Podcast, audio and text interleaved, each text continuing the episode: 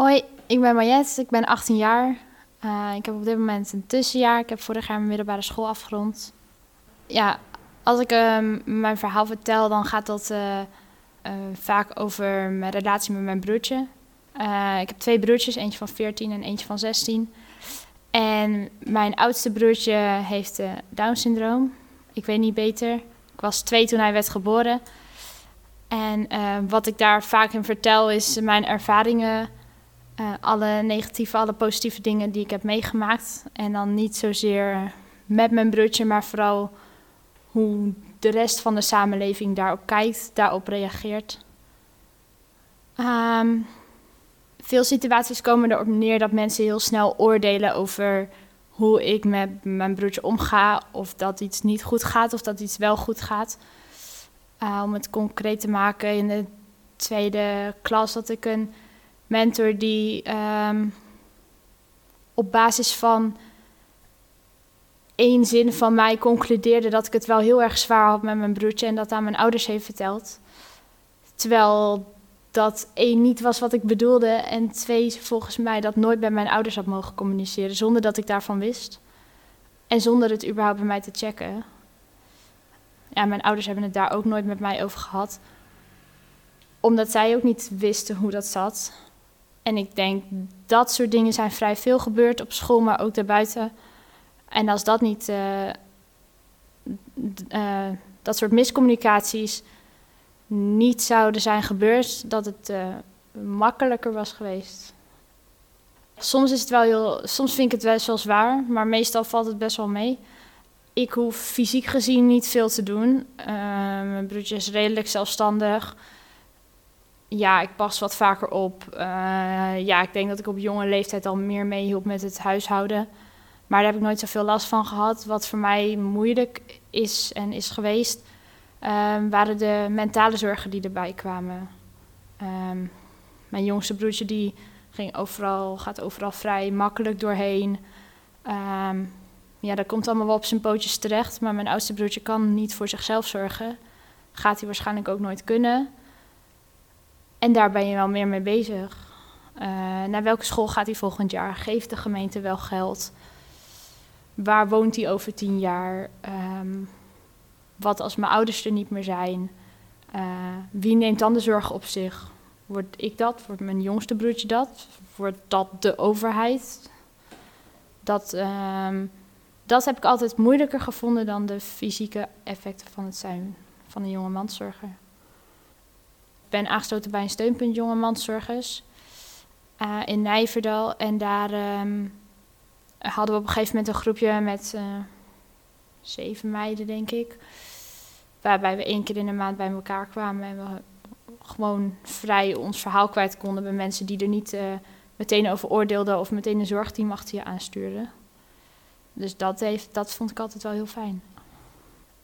Een jonge mantelzorger is een kind of een jongere die uh, zorgt voor, zich zorgen maakt over of aandacht tekort komt door een uh, gezinslid of iemand die heel dichtbij staat, die een handicap, verslaving, uh, psychische problemen, chronische ziekte heeft. Je ziet aan hem dat hij Down-syndroom heeft. Hij, heeft um, hij is kleiner, hij heeft andere lichaamsverhoudingen, zeg maar zijn romp is groter in verhouding met zijn benen en zijn armen, zeg maar. Um, uh, hij heeft de, wat Chineserige ogen, zeg maar. Dat is ook vrij uh, amandelvormige ogen noemen ze dat. Um, nou, zo zijn er nog wat uiterlijke kenmerken waaraan je vrij snel iemand met Down wel herkent. En verder heeft hij een uh, emotionele ontwikkelingsachterstand, een leerachterstand. Um, ja, eigenlijk een algemene ontwikkelingsachterstand. Uh, dat uit zich vooral in het feit dat hij um, niet de ontwikkeling heeft van een 16-jarige. Uh, ik kan daar geen leeftijd aan koppelen, want dat verschilt te erg per onderwerp. Um, maar hij kan, hij kan niet zelfstandig, uh, zelfstandig zijn. Hij kan een half uur bijvoorbeeld thuis zijn, maar heel veel langer. Ja, alleen thuis. Ja, gaat ook niet. Hij kan niet. Um, ja, hij, hij kan niet voor zichzelf zorgen. Ehm, dat is het meeste waar je aan kan herkennen. Je kan niet een, een, een volwassen gesprek met hem voeren. Ehm, maar het, eigenlijk zijn alle gesprekken heel erg oppervlakkig. Als ik zeg dat ik uh, naar de muziek ga, dan weet hij wat het is en hij kent mensen daar en zo.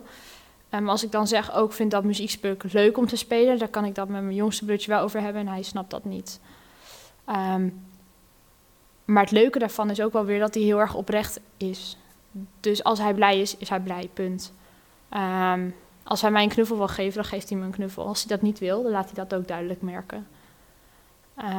En dat vind ik altijd wel heel erg mooi. Want je hoeft niet na te denken, oh, is dit nou iets wat hij wel of wat hij niet wil? Ja, dat is eigenlijk net als dat een heel jong kind nog niet kan saboteren en nog niet um, gewoon heel erg puur en oprecht is in zijn emoties. Als een kleuter boos is, is die boos, punt. Dan snapt hij niet, oh, misschien is het aardig als ik dat even omzet in blij zijn. Uh, en dat is soms heel vervelend, maar dat vind ik wel een van de mooie dingen van mijn broertje. Uh, ik hoop dat hij later in een uh, soort een, een woonvorm woont, waarbij hij overdag kan werken. En voor de rest vind ik dat heel erg moeilijk om dat in te vullen, want het is allemaal nog heel erg onzeker en je weet nooit hoe dat loopt en hoe hij zich nu nog verder ontwikkelt en dat soort dingen. Ik denk dat ik niet heel veel heb gemist in de zin van aandacht of zorg van mijn ouders. Um, maar ik denk wel dat ik het wel echt heb gemist om, ja, om wat langer kind te zijn, zeg maar. Dus uh, ik was al heel erg vroeg bezig met de zorgen over mijn broertje. Um, ik weet nog, volgens mij ging ik naar groep 4 of naar groep 3, een van de twee, dat weet ik niet meer. Toen mijn broertje bij mij op de basisschool kwam, uh, toen was ik er al bang voor, oh, wat zullen ze er wel niet van vinden. Toen was ik dus een jaar of zes of zo, denk ik. Ja, ik zal zes zijn geweest, hij was toen vier. En daar ben ik me nooit heel erg bewust van geweest. Maar op de basisschool was ik een van de eerste aanspreekpunten als mijn broertje iets verkeerd deed op het schoolplein. Ik vond dat op het begin wel heel erg stoer. Dan dacht ik, wow, ik kan beter met Wouter omgaan dan de juffen. Maar als je ziet dat Wouter daardoor ook ontwikkeling mist, um, of dat hij daardoor onterecht op zijn eh, donder krijgt van juffen, dan ga je er nog meer mee bemoeien. En op een gegeven moment was het niet meer leuk dacht ik, hallo, nu wil ik ook wel eens een pauze hebben waarop ik gewoon pauze kan hebben. En daar speelde de basisschool best wel goed op in. Maar ja, dat is natuurlijk nooit helemaal te vermijden. Wat ik nog wel weet was dat op een gegeven moment een meisje, die zat een klas lager dan dat hij zat, um, hem heel vaak optilde en knuffelde. Nou, dat vond hij niet leuk. Um, en dat, dat was wel een van de eerste realisaties van het feit dat ik dacht, mijn broertje is niet schattig. Hij is gewoon een jaar ouder dan dat jij bent. Blijf met je tengels van hem af. Um, de enige die hem hier mag knuffelen zijn wij. Hou op. Um, je gaat toch ook niet, niet iemand die een jaar ouder dan, dan dat jij bent, gewoon een knuffel geven op het schoolplein. Dat is heel erg raar, zeker als hij nee zegt. Dat is heel mooi opgelost, want hij had, heeft speciale schoenen, dus hij, zij heeft een hele mooie blauwe plek gekregen op de scheenbeen. Dat deed pijn.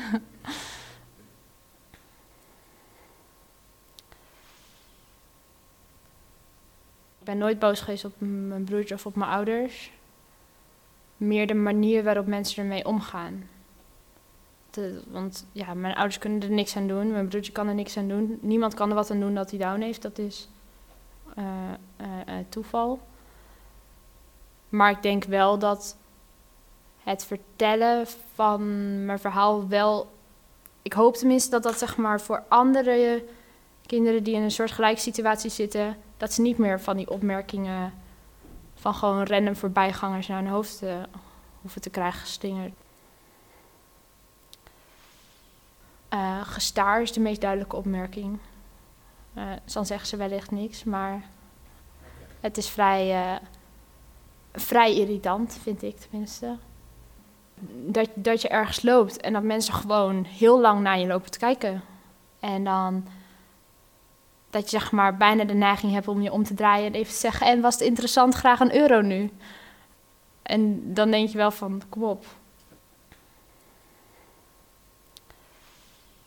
Ik heb er nooit bij stilgestaan dat er mensen zijn die het alleen maar heel erg leuk vinden als hun broertje of zusje bij hen op school komt. Ehm, of die zich daar geen zorgen over maken. Ik dacht dat het normaal was om je piek te sufferen over je broertjes. Van ja, het is toch familie. Ehm, en als je er dan achter komt dat er ook vriendinnen zijn die zich alleen maar druk, uh, druk maken over, uh, over het huiswerk wat ze hebben, dan denk je wel, oh, volgens mij is het toch niet helemaal normaal dat ik zoveel wakker lig over mijn broertje. Of dat ik er zoveel mee bezig ben van, uh, kunnen mijn ouders het nog wel aan? Of, um, ja, dat, dat besef komt pas veel later. Dat heb je echt niet als, had ik niet als achtjarige in elk geval. Um, ik weet eigenlijk niet of ik zonder de, zonder de zorg wil. Ik ben, ik heb nu 16 jaar met mijn broertje geleefd. En ik hou ook gewoon superveel van mijn broertje. En ik vind hem super lief en ik gun hem het allerbeste. Um, het zit in mij dat ik pieker. Dat zal nooit helemaal weggaan. Dus ik denk dat het zeg maar een onrealistische gedachte is om te, om te denken dat dat weggaat. Um, ik kan er nu wel beter mee omgaan en met die tijd doe ik meer dingen voor mezelf. Of gewoon dingen waar ik zelf, ja, gewoon, gewoon andere dingen dan piekeren. Ik zat er op een gegeven moment zo erg doorheen dat ik zoiets had van. Um, nou, ik, ik, ik, sliep heel slecht. Op een gegeven moment gaat dat werken op, je, op hoe je je voelt. En um, kom je een soort van neerwaartse spiraal. En dan moet je wel hulp zoeken. Ik merkte dat, denk ik, voornamelijk doordat ik gewoon heel. Ik was snel geprikkeld. Ik was. Uh, uh, ik voelde me niet per se moe, maar als ik dan een tijdje wel wat beter had geslapen, dan voelde ik me echt heel erg moe en had ik echt zoiets van: ik mis echt slaap. Um, de sfeer werd er zeg maar met mij niet gezelliger op. Nee. nee. Via dat steunpunt heb ik toen uh, professionele hulp gekregen. Om, om zeg maar minder, minder in mijn hoofd te zitten. En meer, uh, uh, nou niet meer andere dingen te doen, maar minder in mijn hoofd te zitten ja, zoals ik al zei, het zit gewoon in mij dat ik pieker. Um, en dit was voor mij de uiting daarvan. Maar ik piekerde ook heel veel over school. Ik piekerde gewoon over alles. Ja. Um, ik denk dat wat mij heel erg geholpen heeft, is om mijn verhaal te vertellen. Uh, om er meer mee naar buiten te komen. Om te zeggen wat het echt met mij heeft gedaan. En um, om van andere mensen te horen: Oh, dit wist ik niet. Ik ga er nu op een andere manier mee om.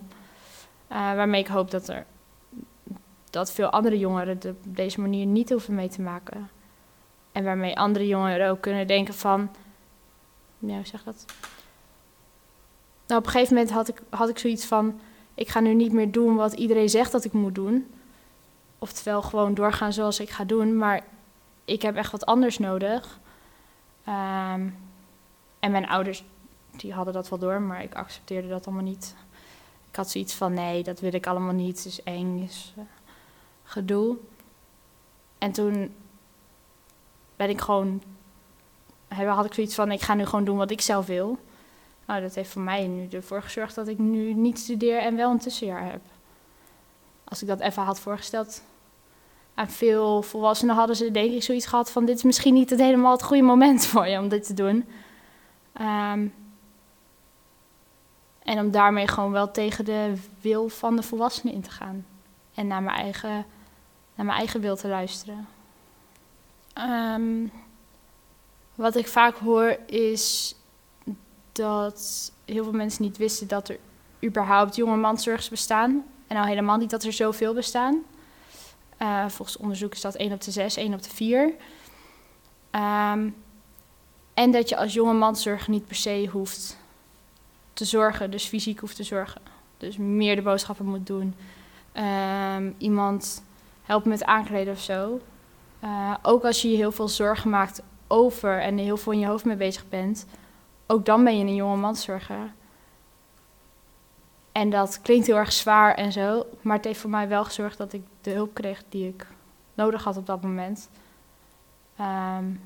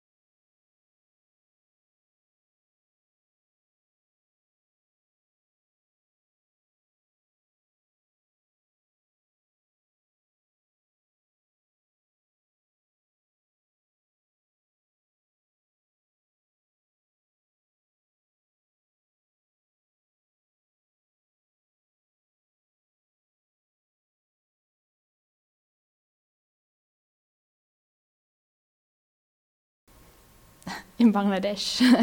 ja, ja nee, toen ik op, uh, op reis was in Bangladesh met een groep jongeren. Ja, op een trap. nee, ik was in gesprek en iemand zei dat voor de grap. En ik was er van, dat klinkt goed, dat gaan we doen. Toen had ik binnen een half uur een plan en toen had ik zoiets van, ja, dat kan geen toeval zijn. Er moet al iets hebben geborreld of... Uh, nou, toen kwam ik terug en toen... Uh, mijn ouders verteld en een halve dag later was ik uitgeschreven. Studie. Dus dat is heel snel gegaan. Maar... Hoe lang was je in Bangladesh en wat ging je daar doen? Uh, ik ben drie weken in Bangladesh geweest. Um, met World Service, dat is een uh, christelijke jongerenorganisatie die uh, met groepen jongeren in derde wereldlanden gaat bouwen. Um, en dan zit je dus met 30 jongeren, of in ons geval dan met 30, heel dicht op elkaar drie weken lang. Um, dus dan ben je gewoon even helemaal uit de westerse wereld, helemaal uit je natuurlijke omgeving, met mensen die je niet kent. Uh, en dat levert goede gesprekken op. En grappige beslissingen. en wat vindt je broertje ervan dat je thuis bent blijven wonen? Uh, mijn broertje die vindt het, uh, die had volgens mij nog niet helemaal door dat ik eigenlijk uh, op kamers zou gaan. Die vindt nu dat ik vooral weinig thuis ben. Ik werk in de horeca dus ik ben, we lopen vrij regelmatig langs elkaar heen dat ik langer slaap en dat ik, alweer, dat ik weg ben als hij uh, van, uit school komt, zeg maar. Um, maar het is ook wel mooi om te zien dat hij me echt mist. Dat vind ik wel heel. Uh, ja. Ergens vind ik dat wel heel erg leuk. ik slaap nu net als een normaal mens. Ja. Hey, als we over een jaar bij jou komen, hè? Je, vertel, je, je staat op een podium, wat, welk verhaal vertel je dan aan mensen? Um, ik denk dat ik dan nu grotendeels hetzelfde verhaal vertel als dat ik nu vertel. Um, dus dat het soms gewoon heel erg kut was. Dat ik hoop dat uh, andere jonge manszorgers betere ondersteuning krijgen. Uh, dat ik daar ook ideeën voor heb hoe dat uh, in mijn ogen beter zou kunnen. Um, en dat het, ik hoop dat dan heel erg dat ik dan zeg dat het gewoon nog steeds heel erg goed gaat met me. Dat ik heel veel heb geleerd. Um, en dat mijn verhaal vertellen voor mij een mogelijkheid was om mezelf te leren kennen en mezelf te ontwikkelen. En tot slot voor mij in ieder geval, die, dat, welk idee heb jij om, om te zorgen dat jonge, jonge mantelzorgers goed of beter worden ondersteund? Um, ik vind het heel erg belangrijk dat er veel meer bewustwording komt. En dan vooral onder jongeren zelf. Dat, ze, uh, dat er wat minder het, het negatieve imago eraf afgaat. Zeg maar van, je bent alleen maar jongemanszorger als je een hele zware thuissituatie, een hele zware zorgsituatie hebt. Want dat is echt lang niet bij iedereen het geval. Bij sommigen wel. Maar ik heb nooit mijn broertje is niet ernstig ziek, heeft geen hartfalen, hoeft niet uh, elk jaar naar het ziekenhuis. Maar toch vind ik mezelf wel een jonge manszorger, omdat ik wel heel veel zorgen heb. en heb gehad over mijn broertje. En ik vind het ook heel erg belangrijk dat docenten er meer van, van weten. Want er zijn nog steeds docenten die het ontkennen. Dan zeggen ze, nee, bij ons op school zijn ze er niet. En dan uh, ga je even, zeg maar, het, bekijken en wat vragen stellen. En dan de docent toch zoiets van, oh ja, volgens mij wel. En als je het niet weet, en als je niet weet waar je terecht kan... en als je niet weet hoe je wel ondersteuning kan krijgen... of hoe je ze kan helpen of begeleiden... ja, dan krijg je nooit goede ondersteuning. En wat dan het resultaat kan zijn, is dat je als je ouder bent... de hele psychische mode in moet. Ja, volgens mij kan je dat gewoon heel goed voorkomen... door er nu tijd en energie in te steken als ze veel jonger zijn... Nou ja, ik vind bewustwording een hele belangrijke. Uh, mijn broertje wordt natuurlijk over twee jaar 18. En dan zijn er financiële beslissingen uh, worden dan wel belangrijk. Um, en ik ga wel zorgen dat ik daarin meegenomen word. En ik vind eigenlijk ook, als mijn jongste broertje dat ook wil in elk geval, dat hij daar ook in meegenomen wordt. Zoals ik het nu zie, denk ik dat mijn jongste broertje en ik het gaan overnemen. Uh, als mijn ouders het niet meer kunnen. Um, en als hij thuis blijft wonen, ja, dan, uh, dat weet ik niet. dat lijkt me wel een hele spannende. Dat, uh, ook dat het nu geen topprioriteit nog heeft. Er is pas sinds dit jaar zeg maar duidelijkheid waar hij de komende twee jaar op school zit. En ik denk dat we mijn moeder die is al wel mee bezig. Die heeft al zoiets van: wil ik een eigen woonvorm oprichten of wil ik hem in een bestaande woonvorm en dan hier in de buurt, gewoon de buurt van waar we wonen, of ergens anders in een hele compleet sociaal, ander sociaal netwerk. En ik denk dat dat nu steeds meer gaat beginnen. Dan denk je misschien hij is 16, maar een goede plek vinden in een zorginstelling is een hele klauw. En de garantie dat dat altijd goed gaat, is er niet. Dus heb ik liever dat we het nu al mee bezig gaan, dan straks als mijn ouders het niet meer kunnen. Ja, want dat, dat wil je ook niet.